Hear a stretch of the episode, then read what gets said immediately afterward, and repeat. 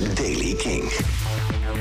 In het noorden blijft het langere tijd bewolkt. Kan hier daar nog een lichte bui vallen. Naar het zuiden zonnig en droog. Vandaag wordt het 19 graden op de Wadden en 22 in het zuidoosten. Nieuws over Unmutus, Alanis Morissette, Foo Fighters en Josh Homme. Dit is de Daily Kink van maandag 13 september. Michiel Veenstra. Afgelopen zaterdag was er de tweede Unmutus protestmars in 10 steden. En het was een behoorlijk succes. Meer dan 150.000 mensen hebben deelgenomen volgens de organisatie. Het grootste aantal was in Amsterdam. Daar waren 80.000 deelnemers. In Utrecht, Groningen, Maastricht en Eindhoven liepen er zo'n 15.000 mensen mee.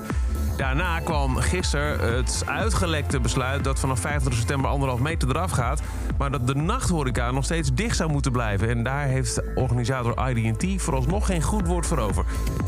De officiële persconferentie hierover volgt morgen. Vandaag zitten de betrokken ministers nog een keer met de organisatie van Unmuters om te kijken wat er dan wel kan.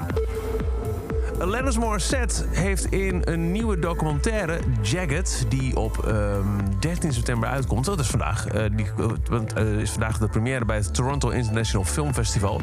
Beweert dat ze op haar 15e is verkracht. Dat heeft ze nooit eerder verteld. Eh, ze zegt in de documentaire dat het haar jaren van therapie heeft gekost om eh, ook maar toe te geven dat zij zelf een slachtoffer was in deze. Altijd was van ja, joh, ik was 15, eh, kan gebeuren. Maar nu, nee, wacht even. Het zijn ehm, eh, zeker niet goed te praten feiten. Het gaat gewoon over verkrachting. De dader of daders worden niet bij naam genoemd in de documentaire. En de documentaire, die dus vandaag in première gaat op het filmfestival in Toronto, komt uiteindelijk op HBO. De Foo Fighters hebben gisteren de allereerste MTV Global Icon Award, eh, Award geaccepteerd bij de MTV Video Music Awards. Ze werden daarna ehm, zelf in het zonnetje gezet door een medley te spelen van hun grootste hits.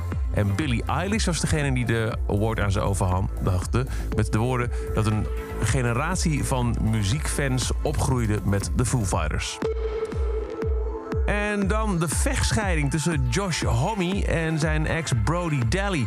Die gaat van dieptepunt naar dieptepunt. Nu is het zover dat eh, een paar van zijn kinderen, waaronder de minderjarige Wolf en Oren, hem zouden hebben aangeklaagd op onder andere ehm, misbruik, zowel eh, fysiek als eh, mentaal. Het eh, het drinken van alcohol tijdens het autorijden en zo. Nou, allemaal eh, klachten. Blijkt nu dat het allemaal opzet is van de ex, Brody Daly, de moeder van de kinderen. Die heeft namens de kinderen de aanklacht ingediend. Maar het zou vooral van de moeder zelf afkomstig zijn. De kinderen zelf zouden in een ander interview hebben gezegd dat ze van niks weten en er niks mee te maken willen hebben. Inmiddels, ehm, de aanklacht was ingediend trouwens bij de rechtbank in LA. Om eh, ervoor te zorgen dat er een restraining order zou komen. Dat Josh Homme dus zijn eigen kinderen niet meer zou mogen zien. Maar dat is inmiddels afgewezen door zowel de rechter in Los Angeles als bij een tweede poging in Santa Monica. En vooralsnog dus volledig ongegrond verklaard. Tot zover deze editie van de Daily Kink. Elke dag er een paar minuten bij met het laatste muzieknieuws en nieuwe releases. Niks missen? Luister dan elke dag via je favoriete podcast app of waar je ook maar naar podcast luistert. Of via de Kink app en kink.nl. En voor meer muzieknieuws en nieuwe muziek luister je s'avonds om 7 uur naar de avondshow Kink in Touch.